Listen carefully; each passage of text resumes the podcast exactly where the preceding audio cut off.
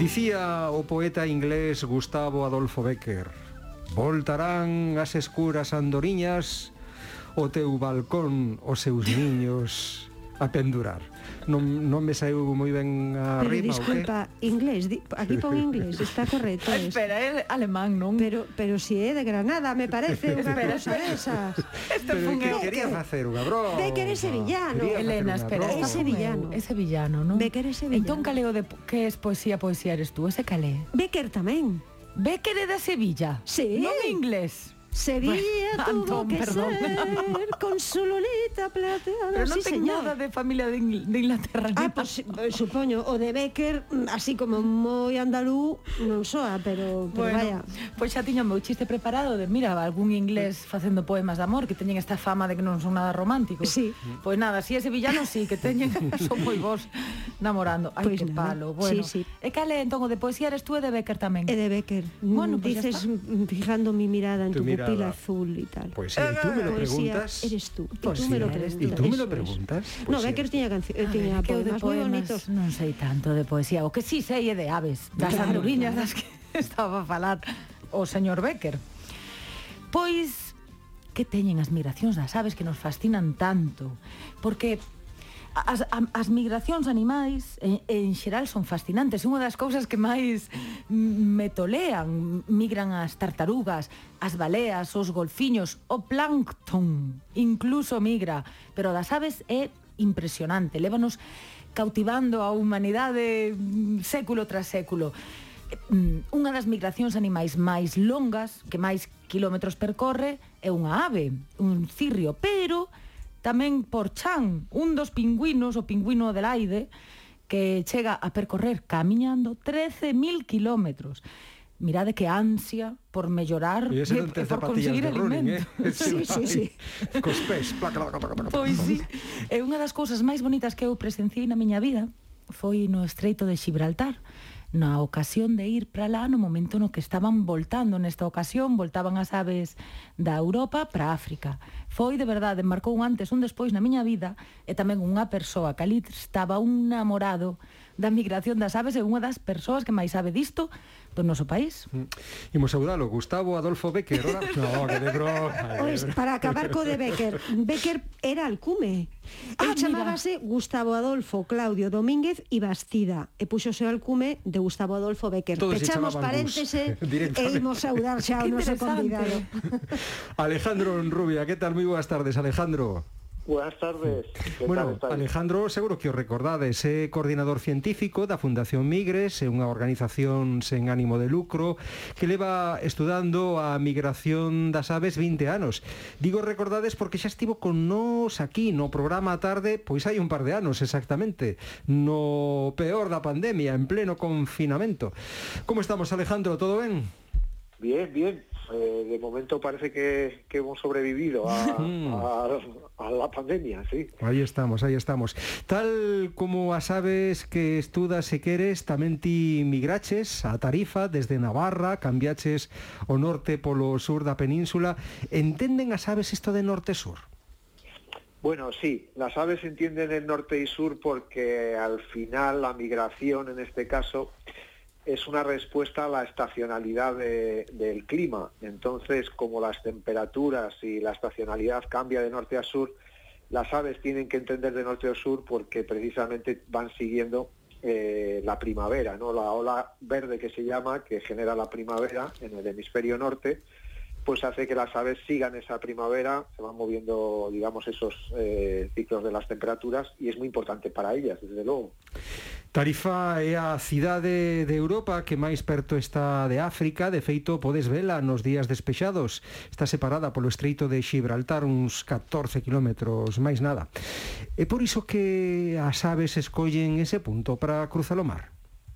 Sí, sí, eh, el estrecho, digamos, que es el punto más eh, corto, la zona más corta para atravesar de- desde el continente europeo hasta África, y este es un lugar, pues, que es un auténtico eh, embudo natural, tanto no solo para las aves terrestres, sino para las aves marinas, porque es el único punto también de contacto entre el océano Atlántico y el mar Mediterráneo. Sí, entonces digamos que por aquí lo tienen más fácil para cruzar. Sí. Eh, Alejandro, que antes non sei se escoitaches esa esa eso que dixen que Becker era de Inglaterra, verdade? Escoitáchelo. No, no, no, es Me alegro, Alejandro, me alegro. Era una broma. Sevillano, es sevillano. Es sevillano, ¿no? Es sevillano, lo que- sevillano, pero creo que murió en Madrid. Pero vamos, él es eh, nacido en Sevilla. Bueno, pero ti sí que naciches en Navarra, verdade? Que aí sí, Sí, sí sí, que sí, lembraba sí. ben, vale, porque despois xa dixen, ai, mi má, porque como esto falaramos cando estiven alá. Bueno, Bueno, Aleja- podía, podía haber sido inglés también. e a facer o chiste, que as aves fan como os xubilados alemáns, non? Que van seguindo o caleciño. Sí, pois sí.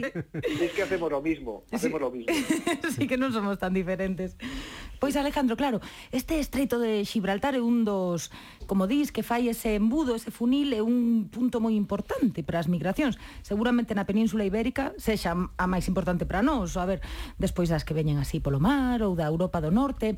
Mas eu quero preguntarche así, pois para a xente que queira ir nalgún momento da súa vida a desfrutar desto que o temos aí ao lado. Cales son os momentos, como digamos, os clímax nos que máis aves comezan a cruzar ese estreito, o mm, Operación Saída, non? Que fan Operación sí, Cruce sí. do Estreito, Operación que fan Cruceiro do Estreito, algo así, sí. Máis polo aire, como son? Sí, a ver, aquí, aquí hay movimiento de aves todo el año, ¿vale? Cualquiera que venga aquí en cualquier momento va a haber movimiento a un lado o hacia otro. Pero es verdad que hay varios eh, momentitos así muy especiales en el estrecho. Uno es ahora, precisamente en la primavera, cuando las aves suben hacia el norte a ocupar las áreas de cría del, centro y norte de Europa. Entonces, justamente ahora, entre febrero, marzo, abril, tenemos el, el espectáculo brutal de las aves llegando de África, cruzando el mar y llegando al continente europeo. ¿no? Entonces ahora es un momento crítico y además el estrecho está muy bonito porque está verde, está florecido, aquí ya es primavera y entonces es, es espectacular el, el paisaje. ¿no? Y el otro momento así que yo creo que es eh, maravilloso aquí, es espectacular en el estrecho, es el final del verano, que es cuando las aves efectivamente vuelven hacia África a ocupar las zonas de invierno en, en las zonas ya tropicales o subtropicales y entonces las aves pues cruzan el estrecho en dirección al sur, ¿no? Y también es un momento de, de unas concentraciones brutales y espectaculares. Sí.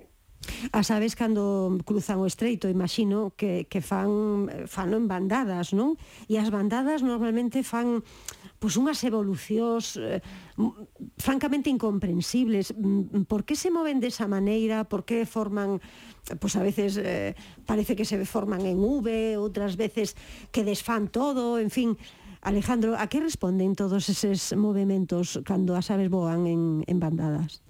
Bueno, pues a ver, eh, claro, al final las aves lo que están haciendo es moverse en un fluido, que es el aire. Es como nadar o bucear para nosotros. Entonces, digamos que las aves están buceando en el aire, ¿no? Entonces, cuando uno bucea, digamos, en ese aire, puede hacerlo de muchas maneras.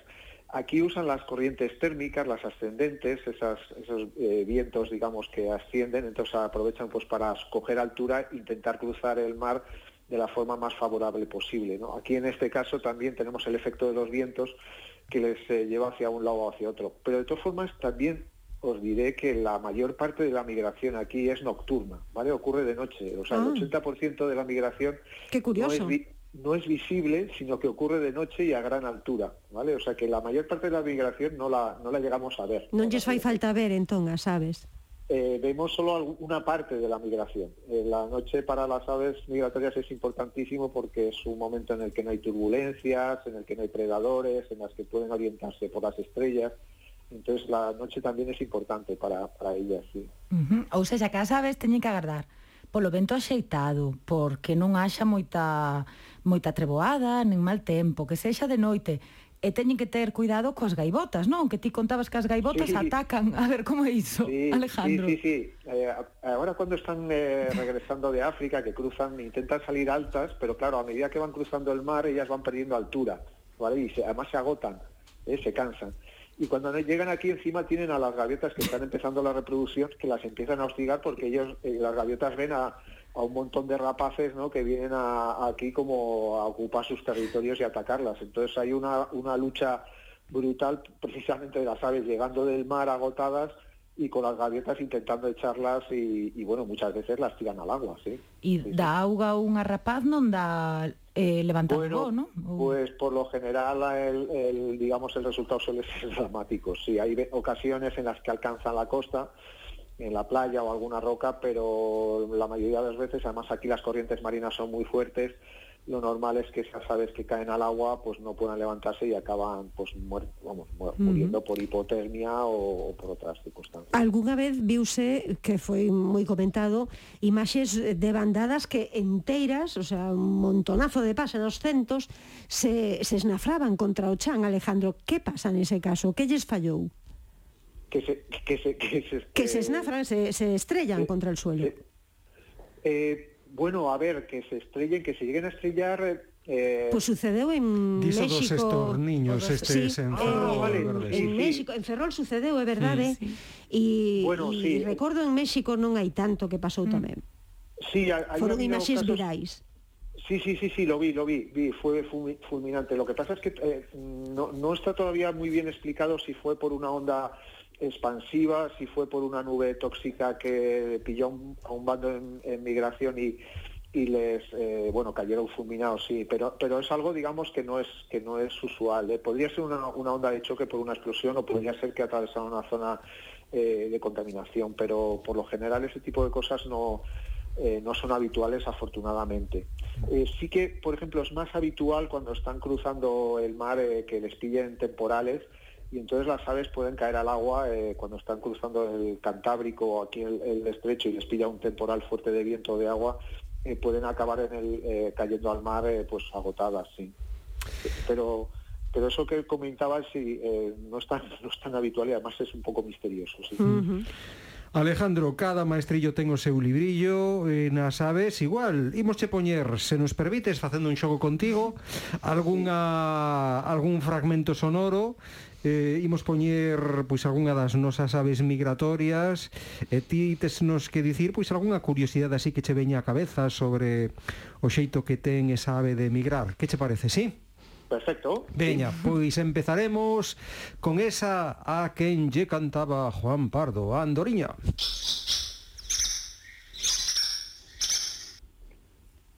Que me dis da Andoriña, Alejandro?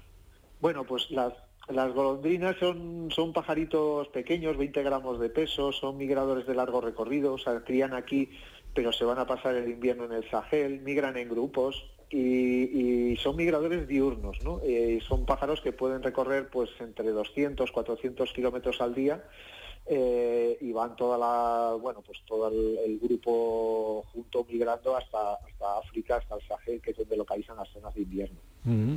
Por aquí temos a máis punky, a Bubela, escoitade, escoitade.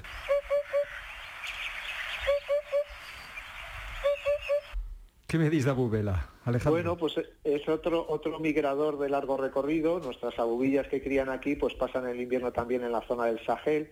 Y en este caso eh, es una especie que migra nocturna, ¿vale? Es un migrador nocturno. O sea, las, las abubillas cuando migran escogen la noche y entonces, eh, claro, es muy difícil verlas en migración, excepto que cuando bajan a tierra a comer.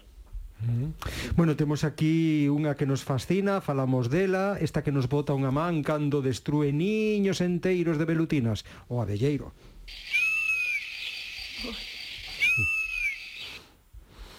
Bueno, pues esta es una rapaz efectivamente especializada en el consumo de, de himenópteros, de abejas y de avispas.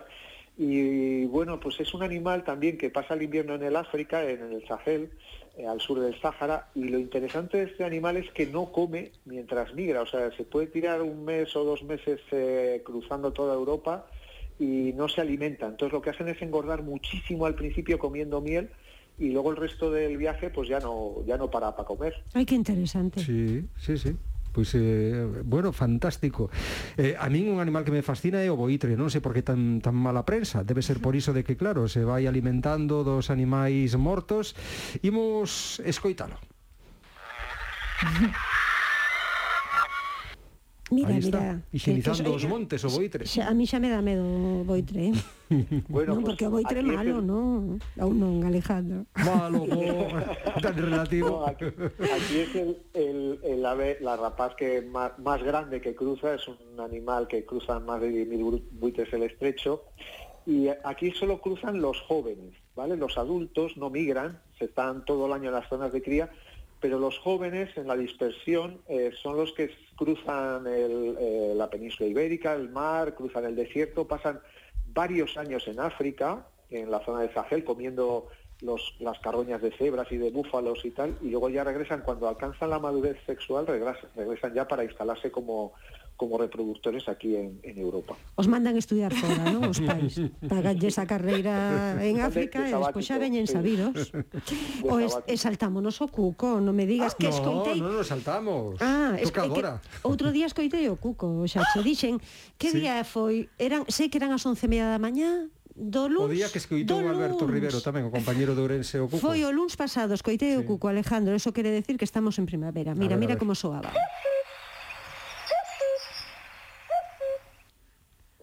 Bueno, pues este es otro, este es otro migrador de largo recorrido, es otro migrador nocturno, ¿vale? Migra de noche.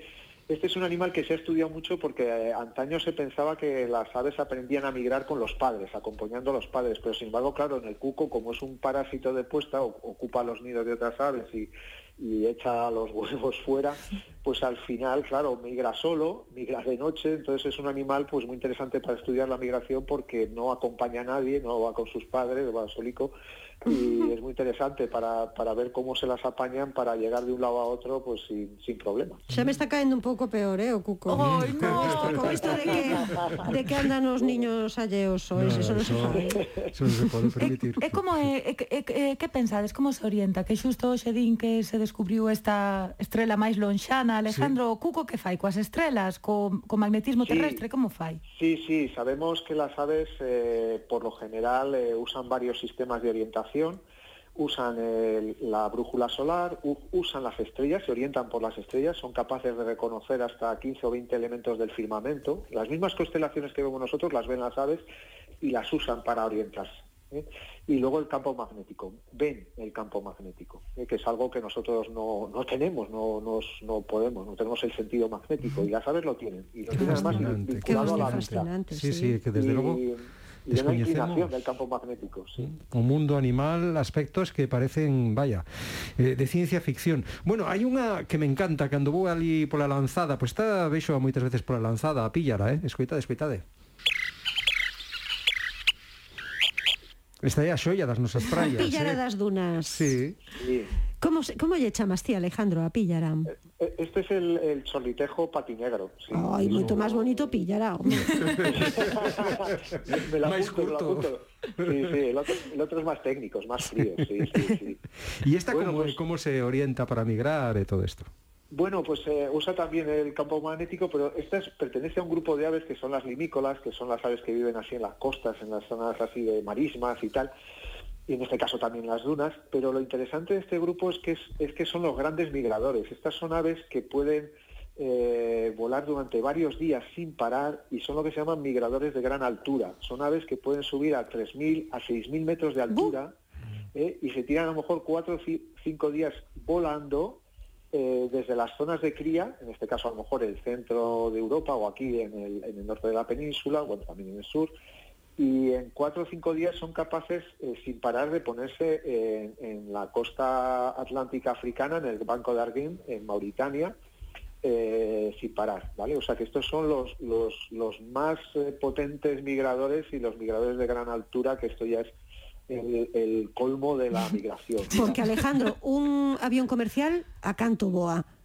Bueno, un avión comercial puede estar en, a, a unos 11.000... Ah, vale, vale. Pensei vale. que voaban máis baixos os avións, claro. Ahora mismo Pero no... unos uns que sí, non o hay casos, hay, hay casos de, de aves que vuelan a esas alturas. ¿eh? Sí, hay sí, casos sí. como el, el lanzar índico que, que cruza la cordillera del Himalaya y puede volar por encima de los 9.000 y los 10.000 metros. Madre. Entonces están ya en alturas casi de... de Estratosféricas. Parece che ver un avión, pero non, era un paxaro, eso que acabas de ver. Sí, sí. No, de hecho, de hecho hay algún caso de colisión a, a, a casi 11.000 metros de altura de, de un ave con un, con un avión. ¿eh? Qué barbaridad. Un buitre de Ruppel, sí. Bueno, voulles preguntar aos meus compañeiros que ave dirían eles que se relaciona coa chegada dos bebés. Home, a cegoña, a ver, a ver. que os trae no pico, no peteiro. Mira, mira. Tiqui, tiqui, Aí estaban as cegoñas. Bueno, tamén fascinante como migran as cegoñas, non? Veñen de París, non? Esas, Alejandro. Sen dúbida. Sí, ese es el, el crotoreo, ¿no? El machacar el ajo de las cigüeñas, sí. Crotoreo. Crotoreo, sí, crotorear.